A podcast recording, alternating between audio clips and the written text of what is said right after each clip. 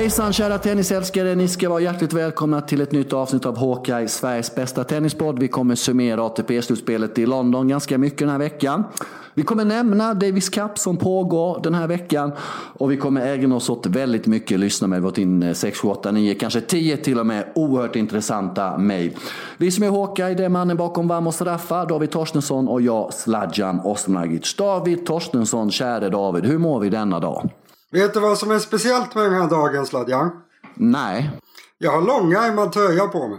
Brukar du inte ha det eller vad menar du? Aldrig. Jag har alltid shorts till exempel. Jag, som till exempel lämnade jag grabbarna på dagis i shorts i morse. Eh, det är då 8 grader varmt. Jag gillar inte långbyxor. Jaha. Eh, och inomhus har jag alltid t-shirt på mig. Men just nu har jag en långärmad tröja på mig. Och vet du vad som är det allra konstigaste med det? Det är trycket på t-shirten kanske eller? Nej, det är att jag inte vet varför jag har en långärmad tröja på mig. Det är bara någon slags slump. Jag har bara en långärmad tröja på mig helt plötsligt. Mm. Det är mhm. jättekonstigt. Mm. Mm. Annars mår jag bra. Hur mår du själv Sladjan? Nej, jag mår bra då förutom att jag har lite hälsoproblem då med någon konstig hosta. Jag har varit hos, eh, går på min tredje antibiotikakur här då, massa tabletter. Så det känns... Eh, Ja, känslan inte helt hundra faktiskt. Och de har inte här i... Kan det ha någonting att göra med det här maniska puffandet du håller på med? Nej, det vet jag inte. Grejen är Nej. den att, att, att, att de har, du vet den här grymma hostmedicinen vi har hemma i Sverige, Coquiloa mm. med lite morfin i. Eh, den skulle jag behöva. Den finns ju inte i här nere då. Man kan inte få ut den här. Eh, så man får någon hostmedicin som inte verkar hjälpa så mycket. Så om någon är på väg till Belgrad som lyssnar på det här och kan få med sig en flaska, vad heter den, Coquinoa, vad heter den? Jag vet inte, jag känner, känner igen det. Du förstår, jag tycker, du förstår att jag tycker att det här låter helt osannolikt. Du vet hur jag generaliserar om, mm. om där du lever. Och mm. jag tänker att där går man ju bara in på den liksom lokala tobaksaffären och får tag på lite bra grejer. Men det funkar inte så. Alltså. Det är hårda bud. Nej, det har väl lite med att göra med dina fördomar också kanske. Sådär. Ja visst, ja ja. ja. Vi, ja, minns ja. Ju, vi, minns ju, vi minns ju, vi hade ju ett härligt spånmöte förra veckan du och jag. Mm. Och när jag sa, och jag skulle testa dig och sa så här att Torino fick ATP-slutspelet från 2021 utan att ha en specifik arena där det ska spelas. Och du gick på detta. Ja. Det var lite roligt. För naturligtvis har de en specifik arena. Det var väl den arenan Sverige tog OS-guld i hockey 2006. Foppa Sundin Lidström. Du kommer ihåg det fina målet där eh, i början av förlängningen? Jag, jag hävdar fortfarande att det inte spelades hockey där utan att det där var basketarenan. Men okej. Okay. Okej, okay. vi kör på David. Eh, ATP-slutspelet ja. i London. Eh, många, många, många, många intryck. Eh, vi kan väl lämna vinnarbiten åt sidan och börja med detta totala fiasko som det ändå blev för Djokovic och Nadal. Inte för Nadal, han blev ju ändå världsetta. Men fighten om year end world number one slutade något slags antiklimax där ingen av dem gick vidare från gruppspelet, David. Ja, det är ju ett fiasko såklart. Sen, du, du räddade upp det där. Alltså Nadals turnering var ju inget fiasko. Eh, Djokovic insats och turnering var ju inget fiasko heller egentligen. Eller tycker du det? Alltså, han, alltså matchen mot Federer det, det är fiaskovarning på så sätt att jag tycker att han han ska inte få förlora på det sättet. Han måste liksom lära sig att när, när Federer spelar på det där sättet då måste han kunna anpassa sig. Han, han, han har blivit ganska dålig på att anpassa sig efter motståndet Djokovic. Med tanke på att han, han skulle kunna göra det så mycket. Alltså han kan spela egentligen hur han vill. Eh, så det är väl ett fiasko. Men liksom, han torskar väldigt knappt mot eh, team eh, som var liksom jättebra. Han förlorar mot Federer. Sluta leta ursäkter. Är inte fiasko David. lite hårt? Är det inte hårt att säga fiasko? Jo, jag tycker absolut inte att det är hårt. När det uttalade målet från personen i fråga att eh, jag ska till London, jag ska ta med mig World, jag ska vara världsetta. Du vinner första matchen mot eh, Berrettini. Du har 4-1 i tiebreak mot team. Och du spelar så icke-aggressivt och passivt så klockorna stannar. Eh, du, har, du äger matchen mot eh, Tsitsipas i Shanghai. Men du ger bort den. Vi kommer återkomma till det med lite lyssna med som har lite frågor om Novak. Eh, David tycker inte det var fiasko, jag tycker det var fiasko. Det var inte fiasko för Raffa. Oavsett så är Raffa en väldigt välförtjänt eh, year end world number one. Hatten av för hans säsong trots alla skador. Du kommer ihåg hur det lät i våras David? Kommer du ihåg hur det lät inför Madrid? När han torskat mot Fognini i Monte Carlo va, i semin. Hade ställt Miami. Gjorde väl inget bra Indian Wells. Storpisk mot Djokovic i finalen av Australian Open där. 3-0.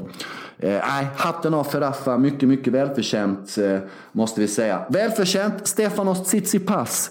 Intrycket man har efter den här veckan och som vi haft tidigare, men ännu mer än någonsin. Vilket jäkla psyke den här unge killen har. 21 år gammal. Ja, det, det är ganska okej. Okay. Jag vet inte vad man ska... Vi har ju pratat så mycket om det förut så jag vet inte riktigt ur vilken synvinkel man ska attackerar det liksom. Men det, är helt, han sa ju efter finalen att han tyckte att det var jobbigt att spela en match där han påverkade så mycket av sina nerver.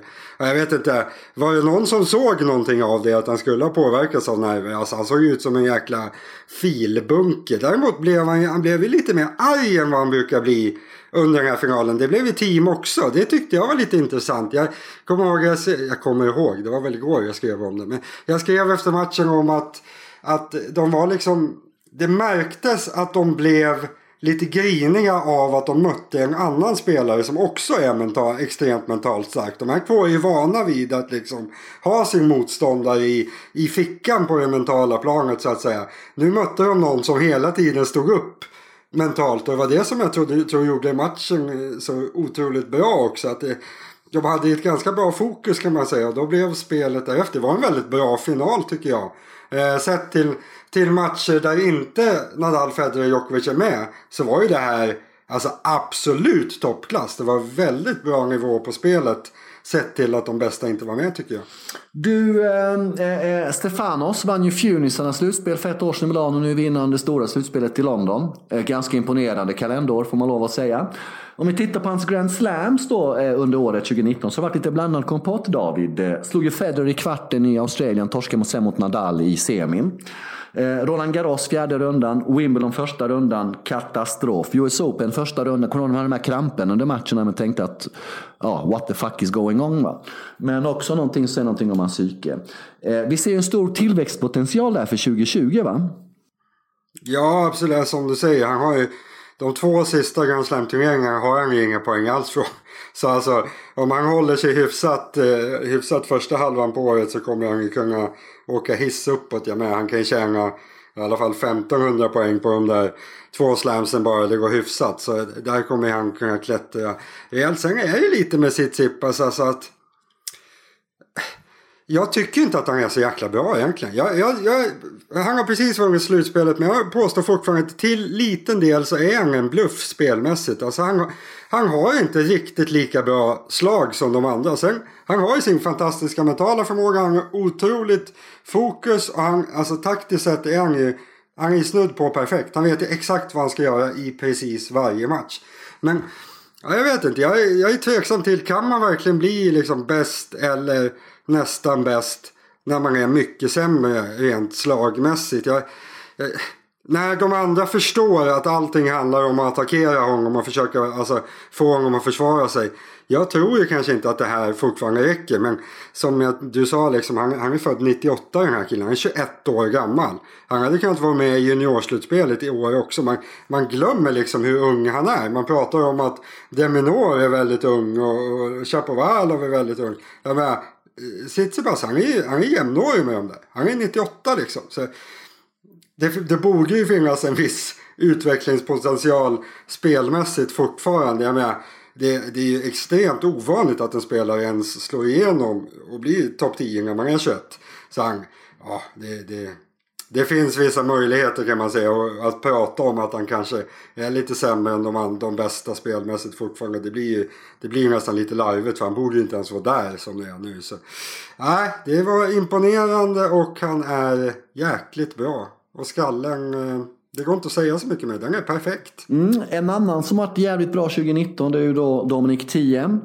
Eh, och är det dags att revidera din eh, tankegång kring att han inte är vass på snabb hardcourt utan bara långsam hardcourt alla Indian Wells. Eh, hur känner vi inför det nu? Ja men det är ju väl. Det går väl inte att stå fast vid det nu. Mm. han gjorde en superturnering på relativt snabb hardcourt som det var i London. Han, han, har, han har lärt sig det liksom. Sen, sen tror jag att det kommer vara upp och ner på honom. För tittar man på hur han spelade i London den här veckan så alltså från hans backensida, han, han stod ju faktiskt och halvchansade en del. Om han, när han har en lite sämre vecka i backenden till exempel som är ett ganska fladdrigt slag.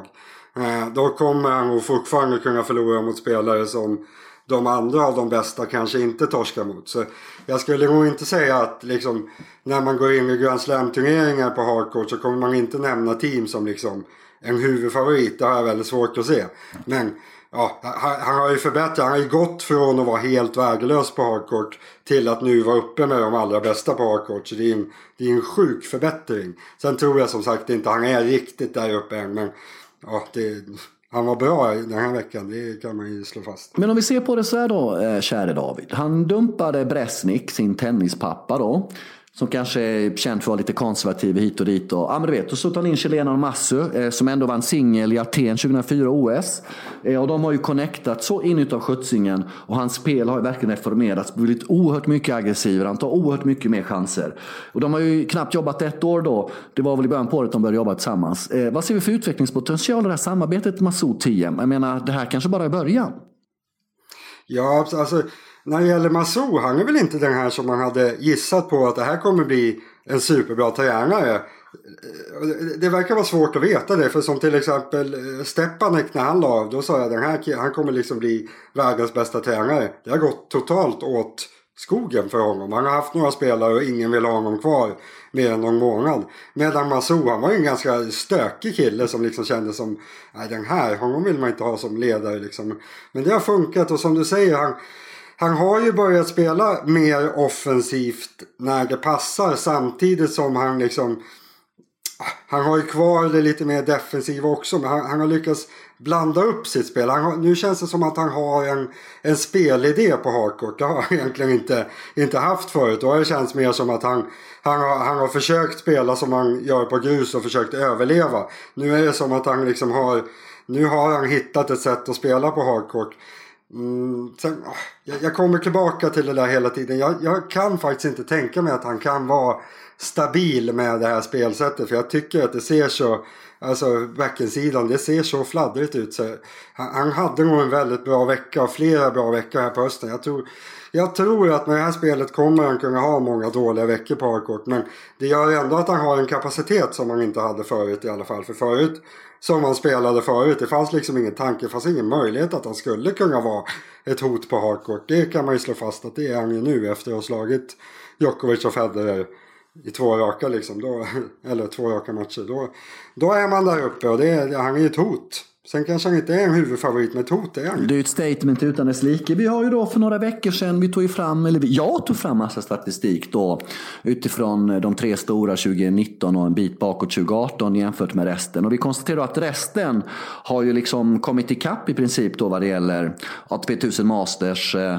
och eh, även nu i London, de vann ju med genom Sverige förra året. Nu var det en helfinal mellan resten. Då, då. Tre, fyra semifinal, semifinalister var resten. Ska du kort summera Rogers insats i London? Ja, alltså. Jag, jag tror att han är ganska nöjd. Jag, jag, tror att det är, liksom, det är viktigare för honom att få slå Djokovic i en ganska stor match. Som faktiskt betydde väldigt mycket för Djokovic. Än att han jag tror han hellre tar den segern än att han skulle liksom få någon slags smörlottning och ramla fram till final och typ förlora mot Tsitsipas där eller någonting. Att han torskar i semifinal. Ja, det är klart att han hade velat vinna liksom. Det hade väl slagit allt. Men just det här att han, att han klarar av att slå Djokovic en dag då Djokovic verkligen vill vinna i en stor turnering. Det borde ju betyda sjukt mycket för honom inför nästa säsong. För det började, det började ju nästan kännas lite som att fobin var där liksom efter Wimbledon-finalen. Där kunde man ju tänka, ja, slår han inte Djokovic i en stor match där, när ska han då slå Djokovic? Sen, det man ska säga lite negativt kanske om Federer den här veckan, det är att han var ju inte bra i de två första matcherna. Det, det, kan, det kan gå ingen vidare till. Team dåligt, Berrettini dåligt. Och alltså, mot sämre spelare så känns det som det här spelsättet han har och står väldigt, väldigt långt fram han blir otroligt utsatt där. Alltså en bra dag mot Djokovic, då passar det väldigt bra. Men jag tror att Federer måste hitta ett sätt att kunna vara lite mer stabil mot de lite, lite sämre spelarna. Nu är inte de dåliga såklart, men det här spelsättet han har när han slår Djokovic och som han använder sig av hela den här veckan. jag tror att han, han kommer vara väldigt utsatt i turneringarna om han fortsätter spela sådär. För då finns det väldigt många som kan slå honom en bra dag. Han skulle liksom behöva hitta något lite mer stabilare, lite mer defensivt sätt att spela för att kunna vara mer stabil. Men överlag, jag tycker att Federer ska vara nöjd med slutspelet. Är du nöjd med slutspelet i London i stort? Har du några synpunkter? Det var ju näst sista gången nästa år, det sista gången sedan 2021 och så flyttade till Torino. Som jag ser fram ganska mycket mot faktiskt. Jag ser inte fram emot Torino. Varför inte det? det? Varför inte det? Varför ska det gå i, i, i Torino? Ja, varför ska det inte gå i Torino för? Ja, det, det, alltså det, det är inte ens... Det är väl en stor stad, men liksom slutspelet i tennis det ska väl spelas i en av världens metropoler. Det är liksom finaste av det finaste när det gäller tennis. Ja, men då ska vi väl inte lägga det liksom in... Jag, jag hittar inte anledningen till att det ska gå i, i Turin. Jag, jag gör verkligen inte det. kan säkert bli bra. Men jag, jag, är, jag är negativ. Du får ha din positivitet i, i fred, Sladjan. Nej, usch. Men eh, London gillar jag. Jag tycker att det var... Nej men det var ju bra. Sen är det alltid lite grann att jag påstår ju att de tre bästa fortfarande är ganska överlägset bäst egentligen. Och när, när de försvann liksom två i gruppen och en i semi. Det, det är helt omöjligt att inte tänka att nej men jag hade hellre sett en final mellan dem och tre, alla tre i semi. Liksom. Det är lite tråkigt. Men de andra gjorde det ju väldigt bra. Det var väl Berrettini jag inte tycker egentligen han kan lite bättre. Han blev ju så otroligt överkörd i den första matchen. Men de andra spelarna presterade ju mer eller mindre bra. Så det var ju överlag ett bra slutspel ändå. Det var inte så många som föll igenom. Vad jag gillar med publiken om man tittar på Fjunisarnas slutspel i Milano och eh, Mastersen i Rom. Det är att eh, publiken ofta håller på båda spelarna, applåderar båda spelarna. I London är det väldigt enögt och så vidare. Och de är emot vissa alla spelare. håller på Djokovic i London. Är det så? Att liksom, Nej, du, nej, du tycker att Djokovic är lite för omtyckt i London. Det är det som stör. Nej, men jag tycker att den publiken är fruktansvärt osportslig. Eh, Den i London och New York. Och det är väl... eh, Men är det, Sladjan, låt mig fråga dig en sak. Är det osportsligt att ha en favoritspelare? Nej, det är det inte. Men det är osportsligt att bua när favoritspelarens motståndare missar en första serve. Eller jubla, det tycker jag är osportsligt i tennis. Mm. Vad tycker du själv? Eh, jag tycker att det är helt okej. Framförallt så tycker jag... Bua med dubbelfel. Ja, jag vet inte. Alltså det, det är väl... Om det sitter 20 000 i publiken där. Det är inte som att 1000, 2000, 5000 jublar på ett dubbelfel. Det kanske är 100 pers liksom. Och vem fan ska... Då ber jag se om US Open-finalen från 2015, tack. Så får du återkomma sen. Det kan säkert bli lite så. Men av det jag upplevde i London så var det inte så mycket Djokovic-hat. Och det jag tycker rent generellt att jag kan inte klandra någon ingenstans i världen. Oavsett om det är London eller någon annanstans. Jag kan inte klandra publiken för att de tycker mycket bättre om Federer. Och jag tror inte att det betyder att de tycker särskilt dåligt om Djokovic. Det är bara det att de tycker mycket bättre om, om Federer och då hejar de på honom motsvarande som om det skulle vara en hemmaspelare. Och då är det ju så här det är. Jag, liksom, jag hittar inte riktigt problemet. Problemet blir ju när Djokovic inte klarar av att hantera det. Som det var mot Federer. Att han börjar liksom, när no några jublade på hans dubbelfel. Då ser man på honom, man får fram det här hånflinet i ansiktet liksom. Som talar om att nej, nu, är han, nu är han några millimeter från att bara skita i det här. Och lite så blev det i det gamet där han blev bruten där. Som kanske avgjorde hela matchen liksom. Så då, då blir det ju fel, men jag tycker att det är hans fel. Jag tycker att det är, liksom, det är Djokovic fel att han inte förstår att de tycker bättre om Federer och accepterar det. Fair enough. Men eh, ibland hanterar det, ibland inte. Vi kommer återkomma till Djokovic i lyssnarfrågorna. Eh, vi har mycket intressant lyssnarmail som handlar om hans motivation. Någonting som vi har ältat och pratat om tidigare här i podden. Du! Jag har ju frågat dig i samband med diskussionen om tre övriga mot resten. Kommer de bryta barriären resten nästa år och ta en Grand Slam-titel? Du har sagt nej, eller hur? Ja, Men vi, jag står fast. Vi spelar upp ett litet ljudklipp med Roger här efter eh, London-förlusten mot Tsitsipas och ser vad han säger i det hela. Uh, we know it's going to be more difficult to win every year to to keep uh, the slams within the best group of guys. I wouldn't be surprised if we see new new champions and some of the older champions. Of course, I hope to be part of them. Um, I came so so close this year at Wimbledon, so of course I I hope I, I can recreate those opportunities and take them next time.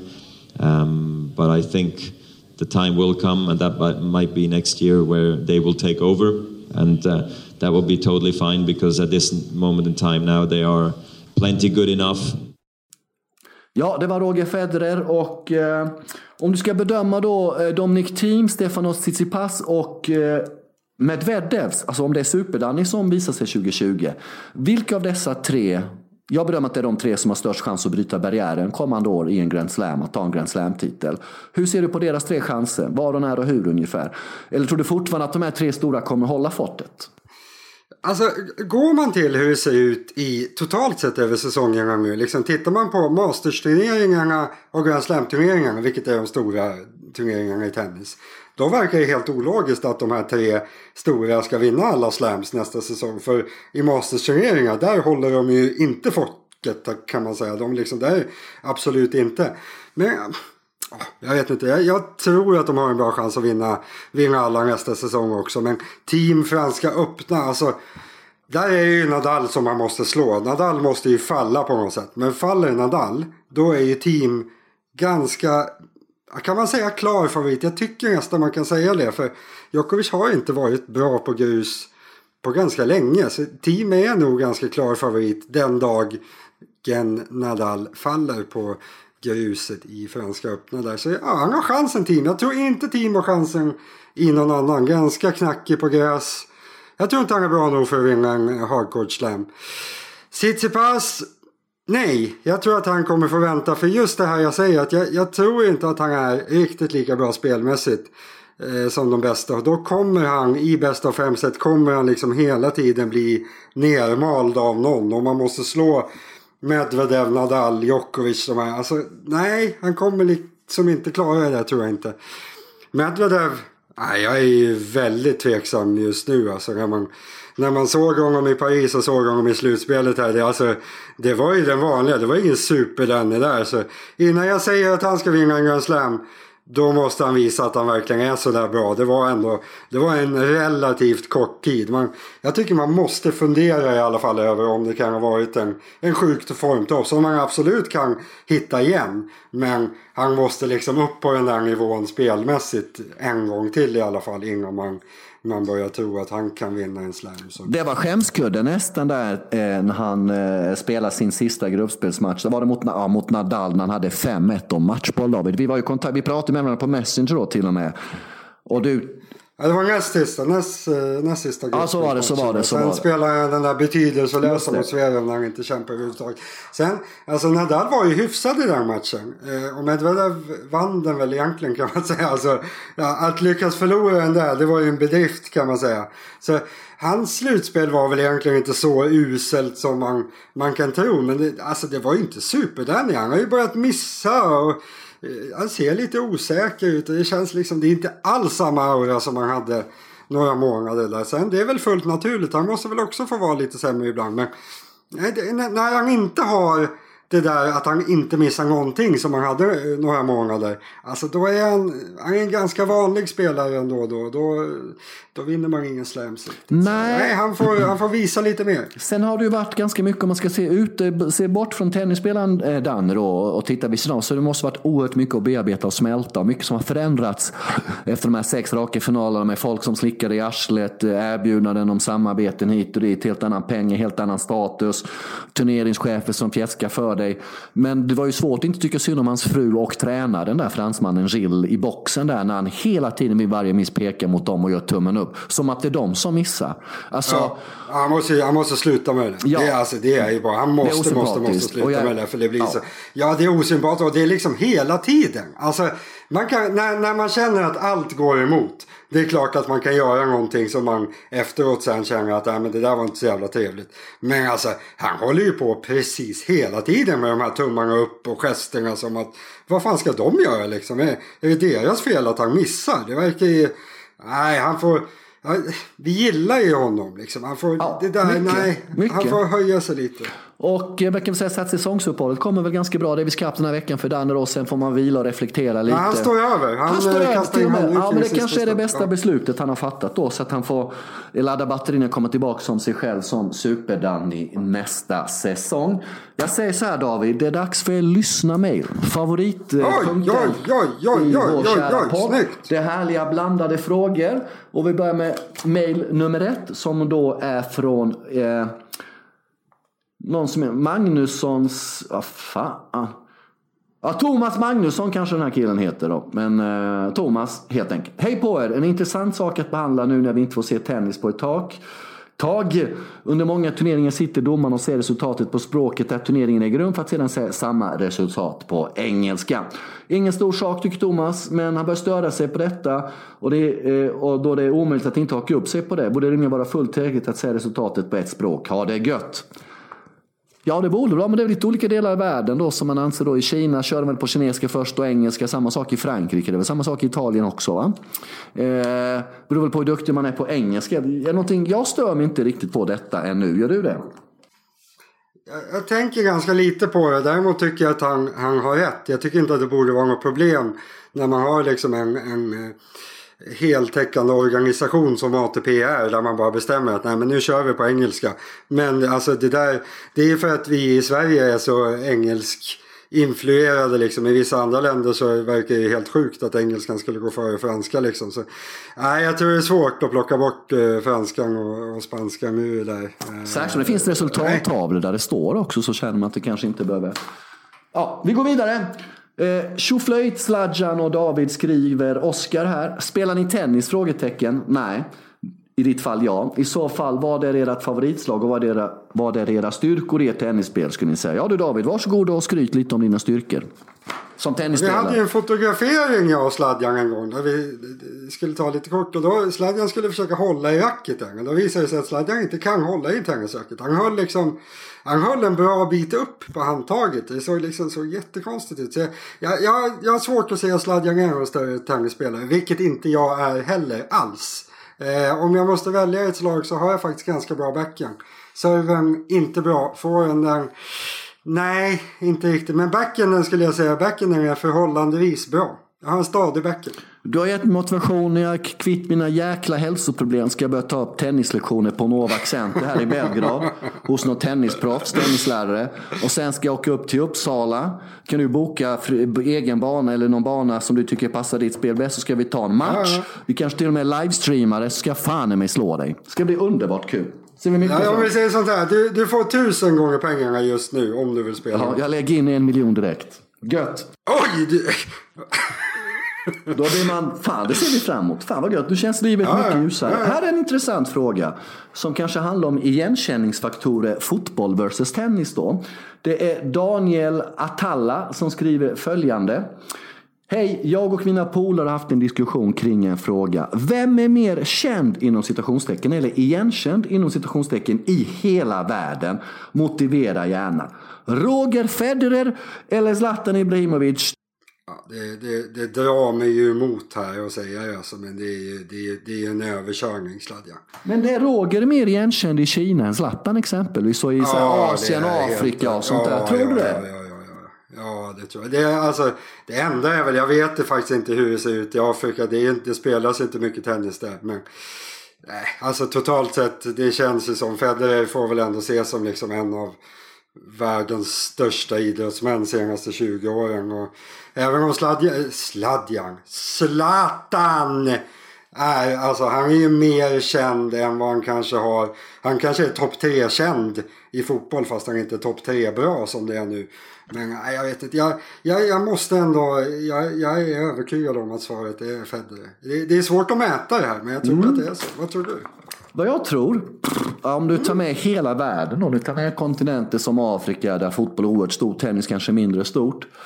Eh, om du tar med hela Asien då så tror jag kanske att eh, jag tror inte det är någon större skillnad faktiskt. Men det är vad jag tror. Det kan ju vara en poäng faktiskt att det, det är ganska få som inte känner till båda. Så. Exakt. Det, det kanske blir dött lopp. Ja. Du, mer Federer här. Det är från Thomas Magnusson igen. Hej på er igen. David gillar ju inte Federer något vidare och hävdar sina texter att han är långt från att vara bäst ever. Eh, I din blogg då, Vamos. Eh, Just det! Ja, lugn. Så är det. Får jag läsa klart? Va? Det är ju naturligtvis ganska svårt att ha ett rakt svar på det, men kolla matchen i Shanghai, glömt året men inte allt för länge sedan, när Federer sopar banan med nålen. Min fasta och personliga övertygelse är följande. Lyssna noga nu. Spelar båda på sitt absoluta maxgum vinner Federer alla dagar i veckan på grund av sin osa, os, osa, fan, kan inte läsa längre, osannolika talang. Där är inte Djokovic i närheten. Är talang? Väl, Jaha, han på talang? Är väl i vart fall, eh, var, vart fall föremål för en liten diskussion, Smiley. Ha det med vänliga Thomas. Håller du med? Jag tror inte jag gör det. Han skulle, han skulle sagt sin, vad sa sin, sin talang. Han skulle bytt det mot offensiv. För alltså, det, det, man kan, det man skulle kunna hävda i den diskussionen det är att en perfekt spelande Federer slår en perfekt spelande Djokovic på att Federer trots allt har mycket högre svårighetsgrad i sitt spel än vad Djokovic har. Så om, liksom, om Federer sätter alla slag som han ger sig på då slår han förmodligen Djokovic om Djokovic slår alla slag han ger sig på. För Djokovic har mycket mer säkerhet inblandat i sina slag. Sen känns ju det som att det är en ganska hypotetisk fråga rent allmänt. För jag tror inte att ens Federer kan sätta alla slag han försöker, försöker slå. Sen eh, om man ska prata vem som är bäst någonsin. Eh, ja, jag vet inte, då är det väl kanske inte vem som vinner av dem som nödvändigtvis ska... Djokovic har ju plus på Federer nu. och Federer har inte så bra statistik mot de andra bästa heller. Alltså man, nej, alltså jag tycker inte att det finns. Det finns snart ingenting som man kan luta sig mot för att säga att eh, Federer är bäst någonsin, tycker jag. Mm. Vi går vidare då med en fråga från Peter Eliasson.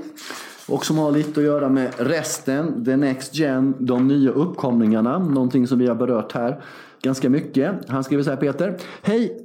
Eh, tack igen för en bra podd och blogg.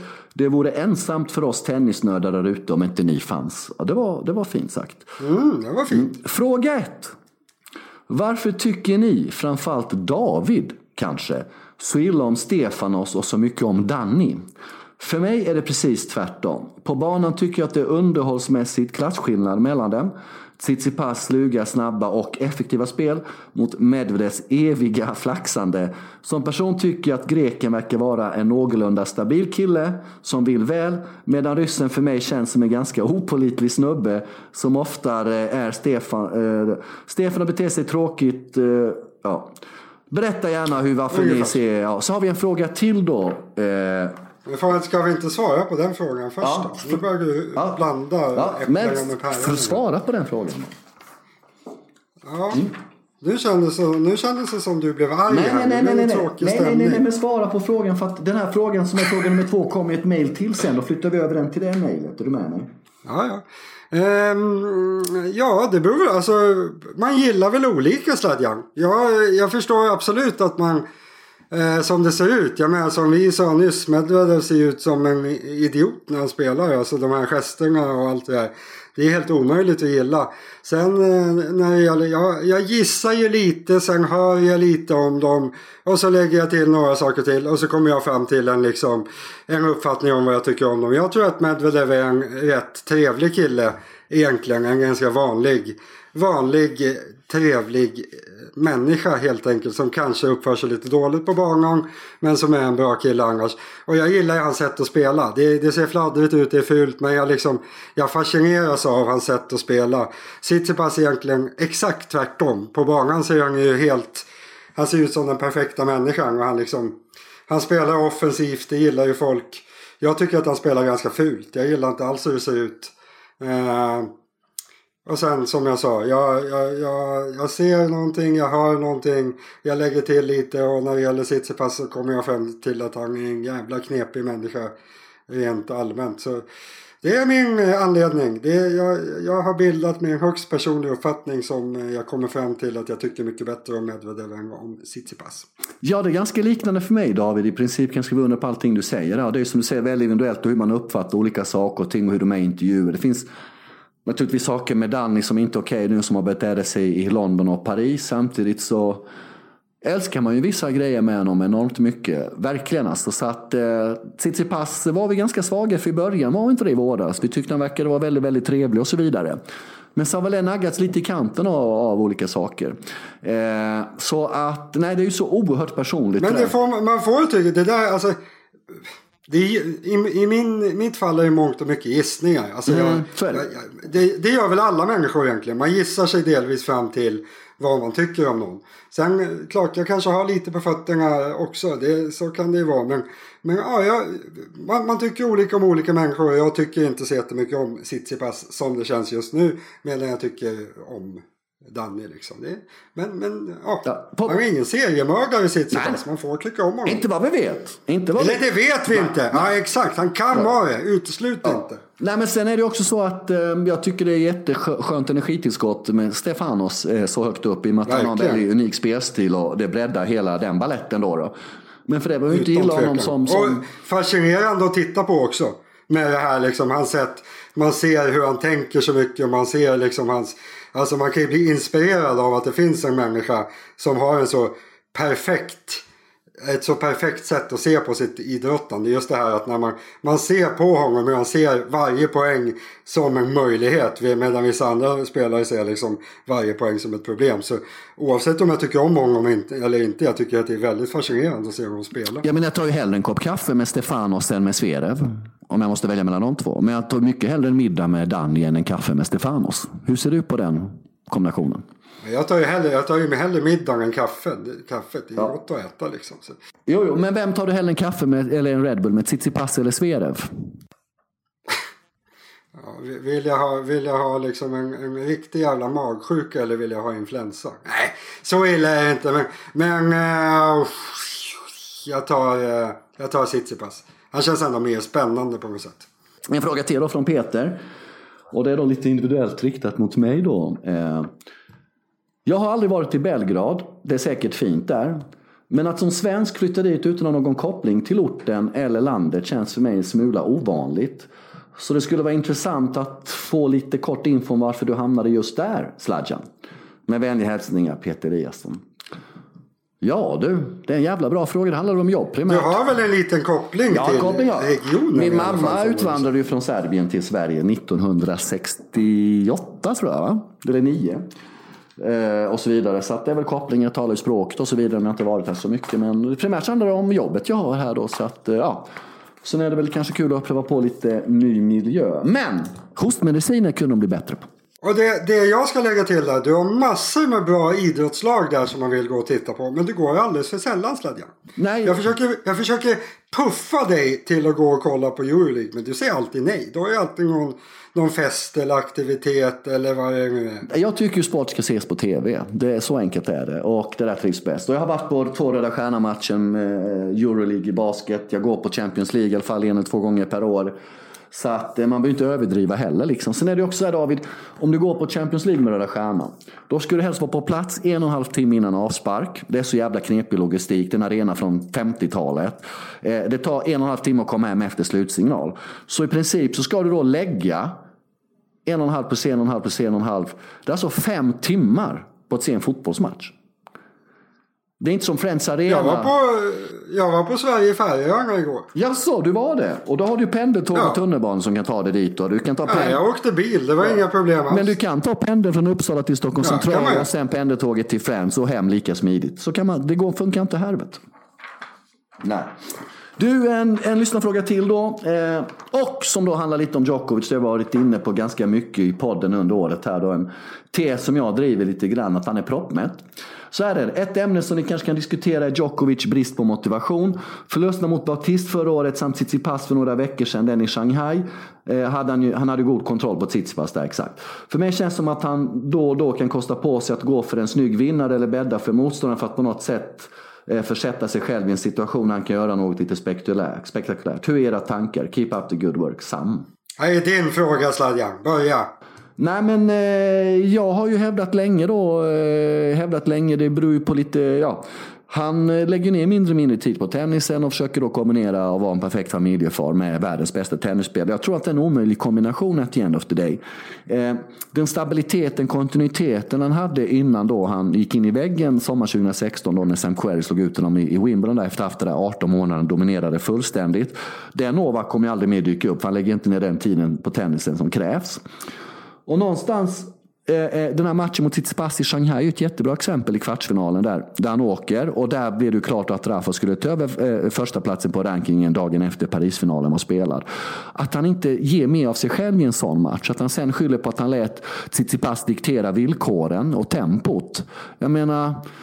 Nej, det känns inte hungrigt nog. Och at the end of så kanske inte du respekterar dina motståndare nog David och alla kära lyssnare. Om du tror att du kan vara en part-time tennisspelare och blir den som har flest Grand Slam-titlar till slut.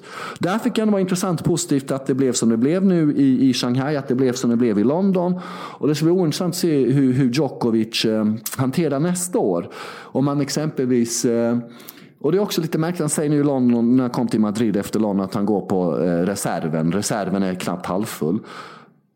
Alltså han spelar ju knappt en turnering. Han spelar alltså efter US Open är det då eh, där han eh, gav upp på grund av skada. Då.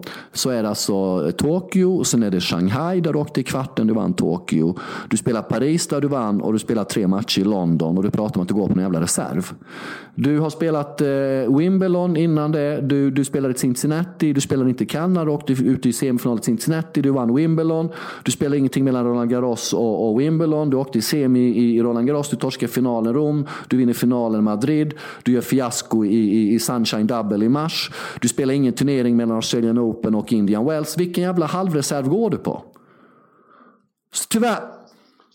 Ja men Raffa, någonstans är det ju så här att om Novak ger 110% av sig själv till sin tennis, då är han överlägset bäst i världen. Jag vet inte om det är en provocerande åsikt att ha idag, men det såg vi 2015 halva 2016. När han vill är han bäst. Och han vill idag, men frågan är om man lägger ner tillräckligt mycket tid på det, han har den möjligheten att lägga ner den, den, den, den tiden på det. Eh, så det är också det är någonting jag undrar om man är. Och som jag sa till dig när du höll på att döda mig. När du var sugen att skicka en lönnmördare som skulle ringa på på min dörr. När jag sa så här till dig för ett tag sedan. Om, om Novak vinner OS 2020 i Tokyo. Och då vet jag fan om inte han lägger av 2021. Det är vad jag tror. För då har han vunnit allt. Då finns det ingenting mer att hämta.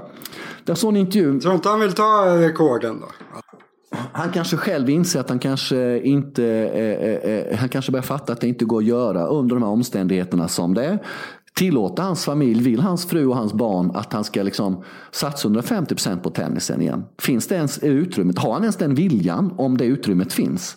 Jag börjar bli tveksam. Stefan är för liten för att ta sådana beslut. Ja, men oavsett det så, så, så som jag sagt till dig hela, ja det är Rafa som kommer sluta med flest GS-titlar. Jag tror inte Novak eh, kommer komma komma upp på den nivån här nu. För nu är det också det faktum att de tre, eller de tre är ju hotade av resten som vi har sagt. Vi har tagit fram hur många bevis på det som helst. Nu är nästa nivå Grand Slam-turneringarna. Bryter de inte igenom nästa år så bryter de kanske igenom året därpå. Och då blir det ju svårt för Novak kanske ser jag att hamna på en säg 22-23 som kommer krävas då för att eh, bli bäst i historien Grand Slam-titelmässigt sett på här sidan. Eller vad känner du? Ja, alltså jag håller mycket av det du säger tror jag är liksom väldigt nära, nära sanningen och allt det här. Jag, tror, alltså jag tror, överlag tror jag att det där stämmer. Jag skulle kunna säga mycket av det, av det själv också. Men det, jag har ett tillägg också. Att jag är, jag är helt övertygad att Djokovic kan vara Kanske inte så här 2015 överlägsen. Men jag tror att han kan vara ganska överlägsen. Även om han inte liksom går all in på tennisen som han har gjort förut. Jag, jag, tror att han är så pass mycket bättre att om han liksom kör på så gott han kan med den här inställningen tror jag han har alla möjligheter att vinna liksom en, två, tre Grand Slam-turneringar per säsong. Jag, jag, tror att han är så pass mycket bättre. Men jag har ju liksom, jag har ju verkligheten emot mig. Eh, Ja, i år vann han ju. Han vann, han vann ju två i år. Så ja, han vann ju två slams. Det är ganska okej. Okay. Så man ska ju liksom inte heller fastna på att han inte gör så bra ifrån sig i Masters-turneringarna här. För det skiter han i. Jag är helt övertygad om att Djokovic skiter fullständigt i Masters-turneringarna som det är nu. Det är liksom mer nödvändigt ont. Så alltså, Fortsätter han vinna två slams om året, ja men då kommer han ju att köra förbi. Så han måste ju börja prestera sämre än han har gjort i år i slamsen för att det här ska stämma, att han inte ska slå rekord. Och vilka slams har vunnit i år? Australien och Wimbledon va? Mm. Och hur många Australian Open-titlar har han? Ja, jättemånga. Och hur många Wimbledon-titlar har han? Fem va? Tied med Björn Borg. Det säger någonting att i Wimbledon och Australian Open han brukar vara bra. De kan han alltid hävda Men vad är sig. problemet? Han kan väl fortsätta vinna dem i så fall då? Ja, det kanske han kan. Det får ju framtiden utvisa vilken nivå det är på. Därför ska ju Australian Open bli, bli sjukt, sjukt, sjukt intressant. Vi har två lyssnarmail till, men jag funderar fan på om vi ska spara dem lite grann till nästa vecka. Nej, kör på för fan. Ja. Vi, det, vi kör lyssnarmail special. Världsrekordlångt avsnitt där. Det här är från Patrik Andersson. Hej Patrik, tack för trevlig poddlyssning. Tennisåret börjar på nytt om lite mindre än två månader. Jag kommer att tänka på presskonferensen med Andy Murray från ett presspodium någonstans i Australien förra året. Eller i år till och med. Jag anser mig inte ha rätt att bestämma om någon ska vara ledsen eller inte, men att se en 31 eller 32-årig mångmiljonär som levt alla sina drömmar och vunnit det han någonsin kunnat hoppas på, sitta och grina och berätta att han kanske måste lägga av, gick inte hem hos mig. Dessutom har han fortsatt att spela även om det inte, fast, eh, även om det inte är samma spel. Det är ju metallhöft senare då så att säga. Det vill jag komma till är det här med presskonferenser. Är det verkligen nödvändiga? Visst kan jag som tennissupporter tycka att det är kul att läsa ett lösryckt citat från Federer eller Djokovic efter en intressant match. Men för spelarna måste vara riktigt tråkigt och energikrävande att ständigt behöva gå till dessa presskonferenser. Har de största stjärnorna presskonferenser efter varje match i de stora turneringarna? Ja. Antar att de hellre åker tillbaka till hotellrummet eller gör något annat. Dessutom är journalisterna ibland dåligt pålästa? Ja. Och i vissa fall dryga? Ja. Då hade jag som spelare föredragit mer lättsamma förhållanden intervjuad en stund av Jim Courier inne på banan precis efter match. Hälsningar Patrik. Ja David. Du är ju journalist Sladja. Det här, jag har ju min bild. Men vad säger du liksom? Så du har ju jobbat med sånt här lite grann. Vad tycker du om liksom? Är presskonferenser bra? Bra, bra. Visst är de nödvändiga för att få en reaktion från vinnare och, och, och, och förlorare efter match. Dessutom blir det då att det skrivs om tennis. Det är bra för sporten i det stora hela. De här on-court-intervjuerna efter match kan vara lite sådär intetsägande emellanåt. Eh, Jim Courier eh, är ju väldigt mycket in your face eh, där. Men det är två helt olika saker. Det är mer feel good intervjuer medan då lite mer om matchen på presskonferens och så vidare. Sen kan jag tycka att han är lite hård mot Andy här, en 31-32-årig mångmiljonär som grinar hit och dit. Det säger bara en sak, hur mycket den här människan älskar tennis. Att det är tennisen som är viktig om han får spela tennis. Pengarna är faktiskt sekundära. Det måste också folk fatta. Och det är så väldigt mycket hack här i Belgrad om Djokovic, hans pengar liksom. Det är inte pengarna det handlar om. Alltså, folk fattar. Liksom. I, inte i den. Jag såg det var en golfspelare som vann 25 miljoner i en golftävling i lördags på Europatouren. Då frågade man honom liksom efteråt att hur känns det att vinna 25 miljoner. Och då tycker jag han svarade ganska bra på det. Att, alltså, pengarna är superviktiga tills man har löst det. Men då sa han liksom att ja, men som golfspelare nu för tiden kan man ganska tidigt sätta upp sin familj för liksom eh, flera generationer. Så det är ju så att alltså, i början är det ju jätteviktigt tills de har tjänat sina 100-200 miljoner. Liksom. Sen, sen skiter man väl i det. Eh, gällande Murray så Ja, jag vet inte. Jag, jag, tycker väl kanske inte att det där var hans stoltaste stund heller. För det var ju väldigt... Eh, väldigt ögonblickligt att han bestämde att ja, men nu ska jag sluta helt plötsligt fast han egentligen inte ville. Och sen någon vecka senare då sa han att Nej, men jag ska operera mig och komma tillbaka. Och nu, nu spelar han på som vanligt igen. Nu spelar han i tennis igen. Så det där var väl kanske inte hans stoltaste stund men det var ju vad han kände. Alltså han kände ju det här går inte. Nu måste jag säga att jag slutar och han blev ledsen. Det kan man väl inte inte säga som, så mycket om. Sen ska jag säga någonting om presskonferensen också. Jag tycker att de är skittråkiga. Jag, nej, usch. Sägs aldrig något vettigt. Det var ju rätt bra den presskonferensen efter Acapulco. Förra året tror jag Kyrgios slog Djokovic där. Kommer du ihåg det? Och eh, Djokovics presskonferens var väl 27 sekunder. Han kom in, satt 27 sekunder gick ut. Eh, de det, det där är också det där spelarna. Det måste ju vara skitjobbigt för spelarna. De kan absolut inte vilja göra presskonferenserna. Det måste ju vara hemskt. Mm. Men ändå accepterar de det på något sätt. Mm, lite uppoffringar får det vara i livet. Sista lyssnarmejlet David. Tjena boys, kan ni inte prata lite om några av de största spelarna som drog sig tillbaka under årets gång? Berdic, Ferrer, Almagro och några till va? Eh, Marcos Bagdatis bland annat. Va? Det var en härlig avtackling var det efter semifinalen, första semifinalen i lördags där i, i O2 Arena i London. Ett fint initiativ av ATP. Finns någon anekdot som är värd att berätta? Någonting i stil med Björn Borgs. Beställ in en bricka med pina colada till mitt rum. Jag skiter i det här nu. Jävla bra citat alltså. Nej, det finns ingenting på den nivån. Det här, det här känns ju klockrent till att vi sparar i stora drag till i december när Sladjan och jag ska köra ett veck, veckligt avsnitt, avsnitt när vi inte har någonting att prata om egentligen.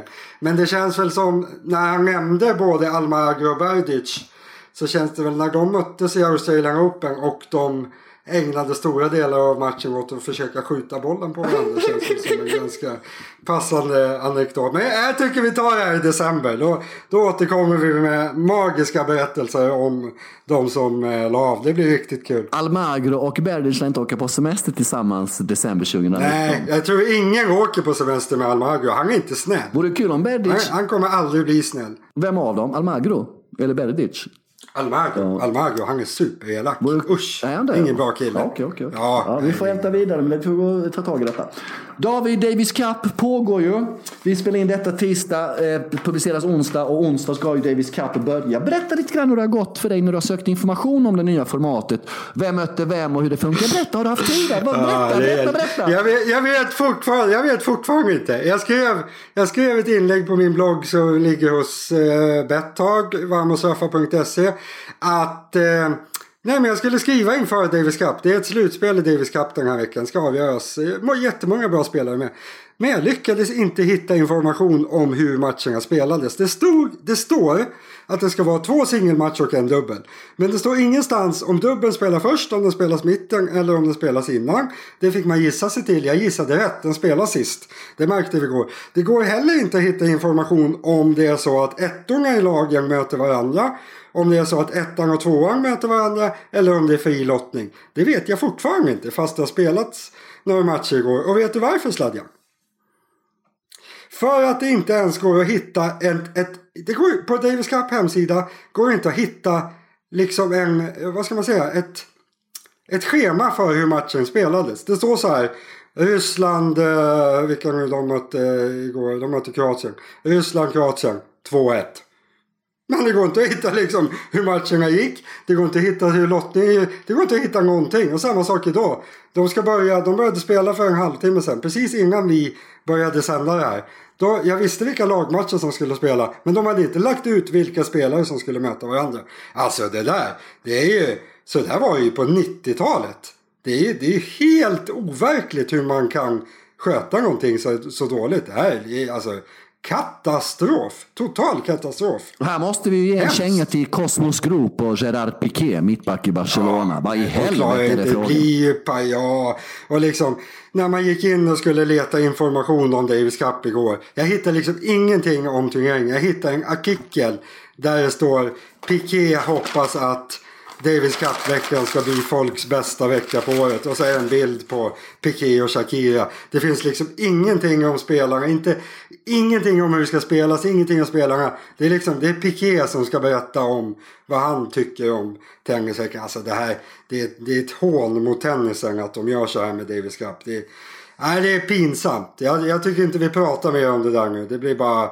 Vi får sammanfatta det nästa vecka. Från och med nu har vi bojkottat Davis Cup. Vi får se om den bojkotten eh, håller på över nästa vecka eller inte. Vi får väl titta på lite matcher under helgen här och se hur det hela slutar. Om det känns bra eller inte. Federer, Djokovic och Nadal. Vissa hävdar att det är de tre största tennisspelarna någonsin. Och det kan du vara David och kära lyssnare om vi ser till antal titlar hit och dit. Men Sen finns det de som hävdar att Roger Federer är den största någonsin. Allt det där är bullshit. Det finns bara en spelare som är den största någonsin. Han heter Björn Borg. Han kommer från Sverige. Och nu gör vi som Björn sa när han la ner hela skiten. Beställ en bricka med Pina Colada. Vi är trötta på det här nu. Vi är tillbaka nästa vecka. Tack för att ni har lyssnat. Hej då David. Vi hörs. Hej hej. Hej!